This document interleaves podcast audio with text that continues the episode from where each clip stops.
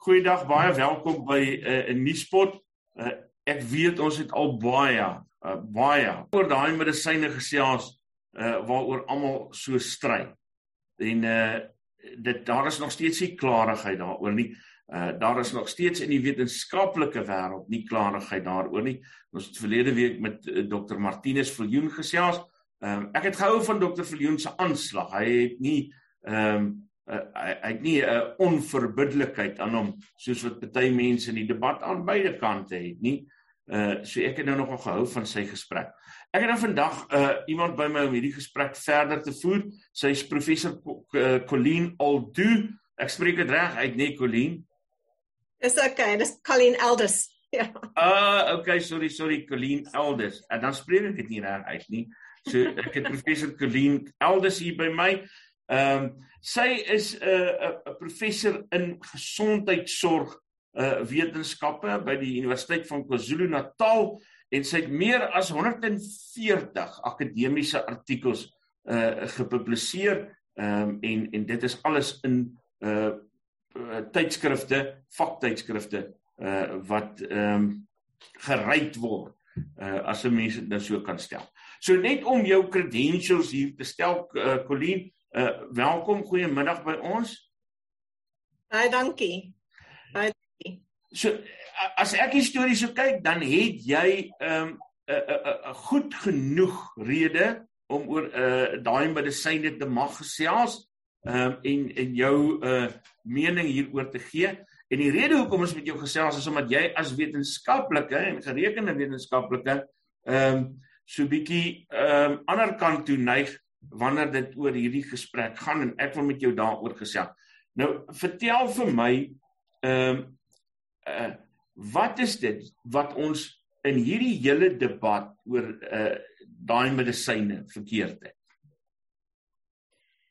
Ek dink daar's baie mense wat sê daar is nie wetenskaplike navorsing oor die medisyne. En baie van die regulators sê so. Maar ek het daarna gekyk. In die begin van um, September het ek 165 gepubliseerde vaktydskrifte artikels gekry oor medisyne. Van hulle is daar omtrent 37 um geskryf oor eksperimente in mense. En ek gaan nou oorslaan na Engels as alles reg, jy kan nie heeltyd Engels gesels. Thank you. Um, out of all of those published articles, and I particularly avoided preprints because of the problems we've had um, with people like the Elgazzar study and others. I've only looked at the published data. I've looked at where they've been published, which journals they've been published in, etc. From those 165 papers, 35 were on human trials. And they ranged from a case study in Mexico where a father who was a doctor treated his daughter with asthma and wrote up the case study. Now, a case study does not hold water in terms of research unless there's a lot of other evidence as well.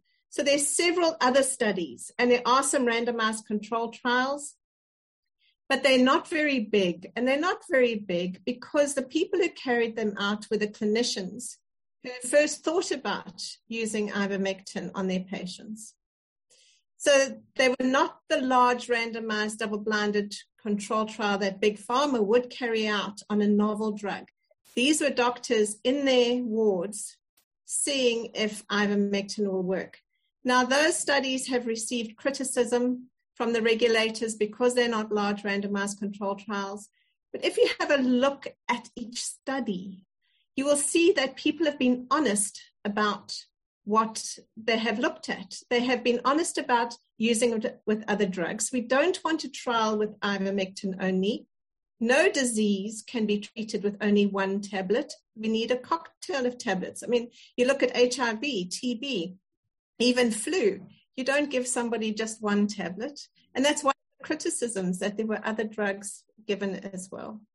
So there is research out there. There's good research out there, but it's being dismissed by many of the regulators because it's not a large double-blinded randomized control trial. But when we look at evidence-based medicine, evidence-based medicine is much bigger than just randomized control trials. And in a pandemic, we should be looking at the totality of the evidence. We should look at everything from these small human trials right up to the in silico, in vitro, the lab type studies, the countrywide studies, etc. I have discovered that many of the meta analyses are, we've, we've, just got to toss them out because no matter which side of the coin you look at, people have got an agenda. So the meta analyses are no longer trust. So I've excluded those in my decision making, and I would believe that a doctor who's done his reading has enough evidence now to make a type 1 error decision. That is to treat a patient with ivermectin if he feels the patient will benefit having read the articles. And even if later it comes out, which I doubt that it will, that ivermectin does not work, um, he's made a decision that's not harmed the patient and is likely to have helped the patient. Colleen, uh, uh, uh when people criticize um, uh, the medicine, uh, they say uh, it was invented for a parasite and not a virus, and therefore it, uh, cannot be used. Is one of the uh, the uh, criticisms against the medicine. Yeah. Is that true? does that hold water? No, it doesn't hold water. Ivermectin was a natural substance. It's, it wasn't created. And as a natural substance, its first action was seen as an anti-parasite. And it was used in both uh, animals and in humans. And it did phenomenally well for humans. It, it changed the quality of life for millions of people, particularly in tropical areas where there were debilitating diseases that were caused by parasites. River blindness and elephantiasis being only two. But that's not all that ivermectin has been studied for. Ivermectin has got other mechanisms of actions, and there are lots of papers on these other mechanisms too. It's been researched in cancer treatment, and it has previously been looked at as an antiviral. In fact, it was used in 2003 in laboratory studies against the first SARS virus looking to see if there was an effect, effectiveness there. But they've done a lot of research on other viruses, both animal viruses and human viruses, like West Nile virus, Chikungunya virus, dengue virus. It wasn't that effective in dengue virus, but there has been previous research on the antiviral activity of ivermectin, and the, the publications are there. Um, a lot of people say um, that um, uh, that this medicine was uh, uh, created for for for uh, animals and not human beings. Um, how how credible is that criticism? That, that is just it's. I want to say the word "dof" because 2015. Um, in 2015, the people who developed the drug, um, Omura and Campbell, got the Nobel Award for Medicine. You only get that if it's affected human life. So they got the Nobel Award for the effect that it's had on humans. Yes, it was in, used in animals initially, but I mean, we use a lot of drugs in both animals and in humans.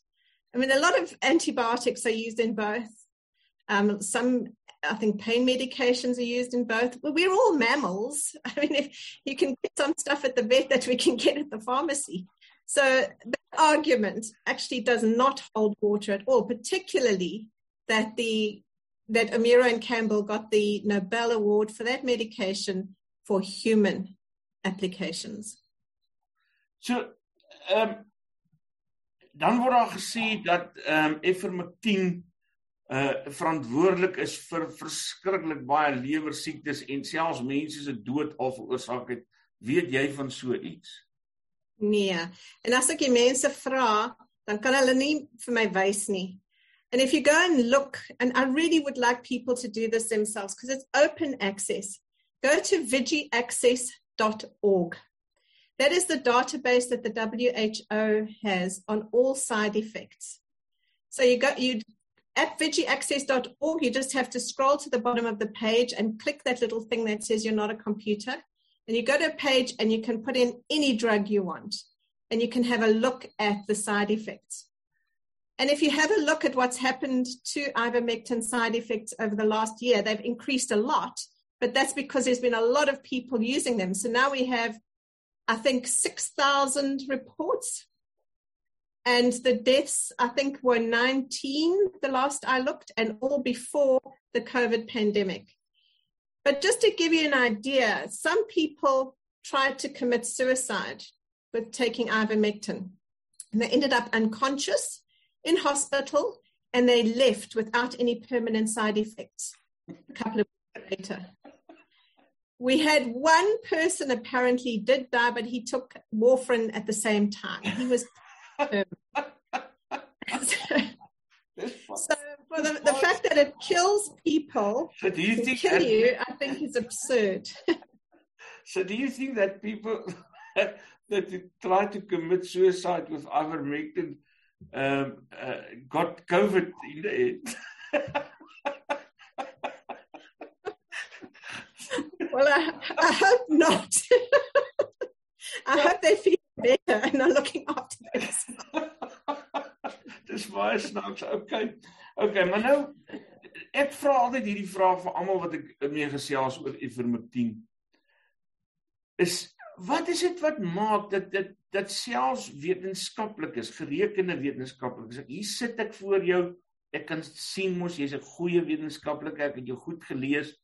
Ehm uh, jy's 'n ernstige wetenskaplike. So is elke ander professor in wetenskaplike uh wat hulle uitlaat oor die saak ook. Hoekom verskil ons so verskriklik erg oor hierdie ding? Dis ek dink omdat al twee kante reg is.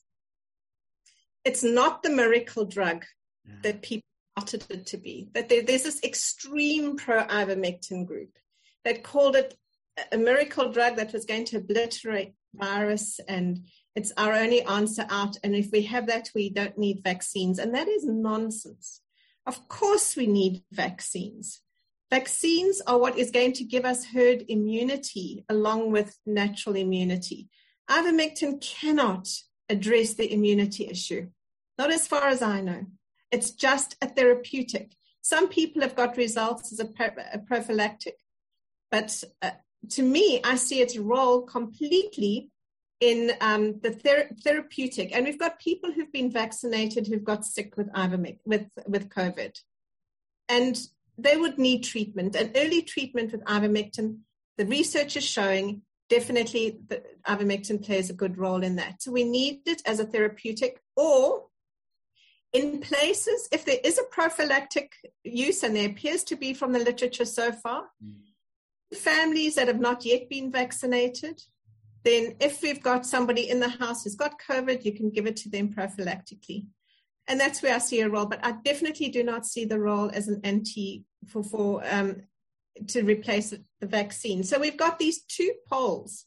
We've got people with a thought cage that anybody who wants an early um, treatment or a repurposed treatment or something that has been used previously for animals they think that there's only one answer, and that's a vaccine, and that we'll be endangering the uptake of the vaccine if there is a, um, a, a therapeutic.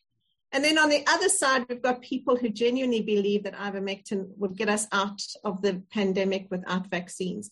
And because both sides have got a point, and because both sides have got a frame of reference, this is fired up. But I think the problem is that we've got in the mainstream media, we've got a dominant narrative, and that dominant narrative is that ivermectin shouldn't be used.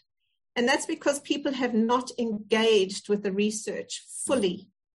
And it's not in their interests to actually have the, the drug work. So, kan jy vir ons verduidelik hoe uh, uh, uh, hierdie um, medisyne werk ten opsigte van uh, COVID-19. Ehm um, wat is dit wat maak dat dit soms werk in uh van die pasiënte? Look, there are many mechanisms of action, and I'm not going to pretend to know them all. I think they're, they're well over 12, and I'm beginning to collate the literature, and I might be able to give you a very comprehensive answer in a few months. But the main one is where if the patient has been infected with a virus, then the virus cannot access the cell that it can go into to create more of itself and to make the patient sick because ivermectin actually blocks its access into the cell. Mm. So the simplest way. So if you've got a cell that the virus would normally come into, infect, patient gets sick, we've now got a cell that is protected by ivermectin molecules to prevent that mRNA from going into the cell. It has other anti-inflammatory actions and various other actions that I, I, cannot speak in depth, but that is the, the best known one and why I feel it's appropriate to use in the viremic phase, which is early once a patient has been diagnosed, I believe that it does have an effect. Daar's 'n ding wat mense doen wanneer hulle oor hierdie goed praat.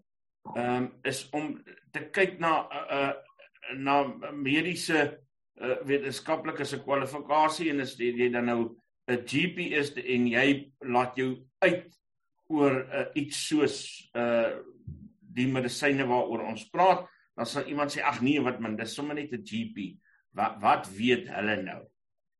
Is is dit is dit geldige kritiek teen dokters? You know, I have realized in the last 8 months that the most knowledgeable people are the people at the front line in our country, they're the GPs. The GPs have been seeing the patients first. They've been walking into the room and the GPs have been treating them. And so I personally feel that they are far more expert than anybody walking through the ivory tower corridors in big fancy academic hospitals. They've been tr- they've been treating patients for a long time, and that is how in our country we've got some amazing GPs who have not lost patients at all. There are some specialists who've taken it up, but they've not lost patients because they've got their regimen, they've worked out the dosages, they talk to each other. They've got these amazing net, WhatsApp networks where they talk to each other about medications, about um, what they've read. I'm part of some of these groups, and I'm just so awe inspired by the doctors who treat a patient for the cost of a consultation. There's no big fancy 5,000 Rand a tablet going there.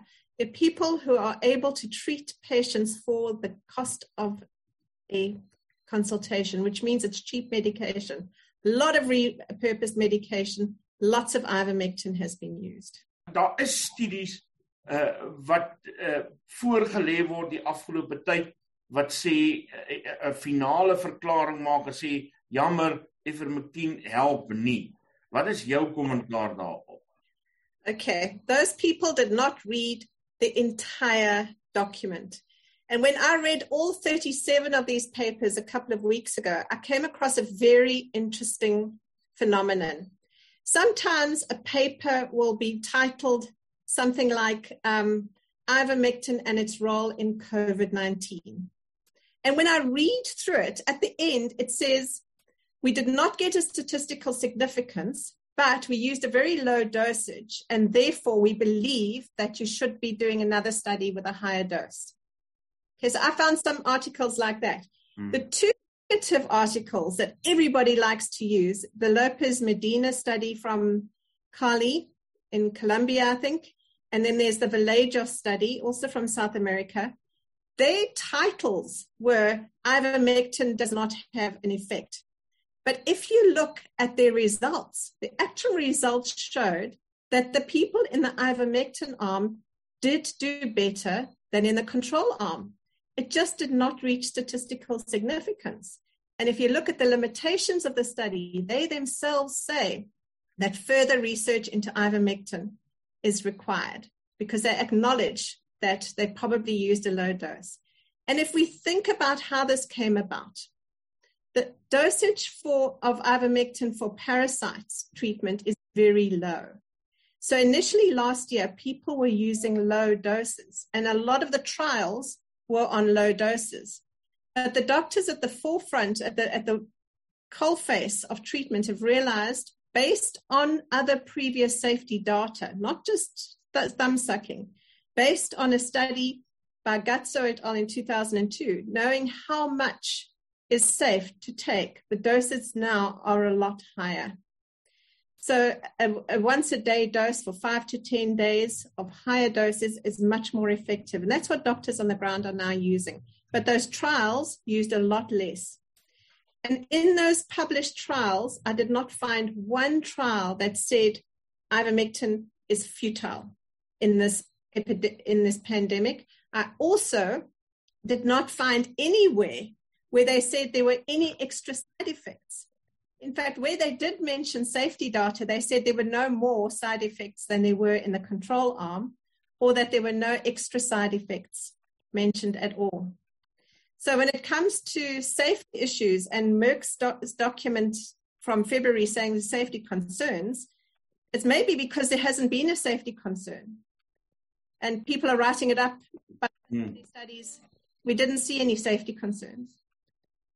So kom ons sê dit nou vir mekaar in gewone taal. Ehm um, ek, ek kan onthou ek het eendag met 'n uh, ehm um, uh, met 'n veearts uh, uh, gesels ehm um, hoe uh, en hy het vir my gesê dat ehm um, dat uh, hierdie medisyne is so veilig soos om 'n disprin te drink. Ehm uh, is dit die algemene gevoel? Ja, en jy kan weer kyk na vegieaccess.org. Gaan kyk net na paracetamol en gaan kyk na ivermectin. Gaan kyk na al die ander medisyne wat hulle vir jou gee. Mm. En jy hmm. sal 'n baie veilige um medisyne. So en jy's oortuig daarvan niemand wat jy van weet is nog dood as gevolg van uh ivermectin of hulle het hulle self oordoseer en het allerlei lewerskade en sulke goed tot dusver opgedoen nie. Weet jy, daar was 'n gesin in Pietermaritzburg verlede jaar in die begin van die pandemie wat gehoor het van ivermectin te vat hulle 'n hele botteltjie.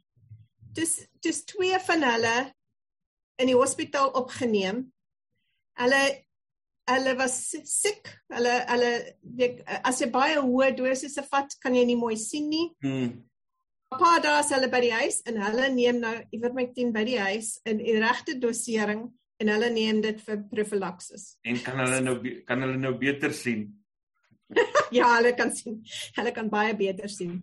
So that, the side effects are transient. So high high doses and I know that there are doctors in Africa that I've been working with where mm. the patients come in, there are no hospital beds so they've been pumping their patients with ivermectin with high doses.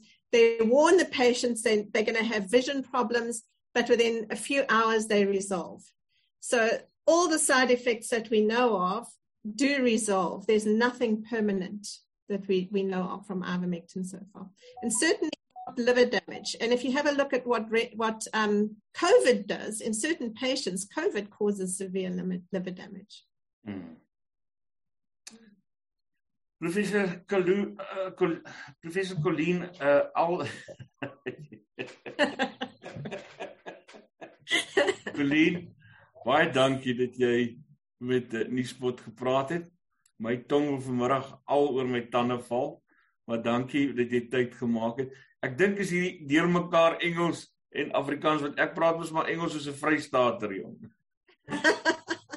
ek praat Afrikaans soos iemand van Durban. maar dankie. ons, ons kan mekaar daarom verstaan. dankie dat jy met ons gepraat het. Dis 'n kort gesprek, maar ek dink dit is daarom 'n bietjie belangrike inligting ook wat dit vervat. Ek praat weer met jou. Baie dankie, ek sal bly wees. Goed hoor, Tana. Verkeersboetes behels meer as 'n klein ongerief met minimale gevolge.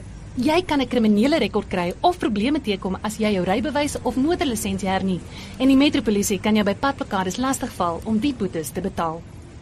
Fines for you vir minder moeite met verkeersboetes deur hul te monitor en vinnig, wettelik en effektief af te handel sodat jy nie die ongewenste gevolge hoef te dra nie. Ons spesialiseer in groot vlote en streef daarna om jou geld te bespaar. Kontak ons gerus op 011 867 7331 of besoek ons webtuiste by www.finds4u.co.za.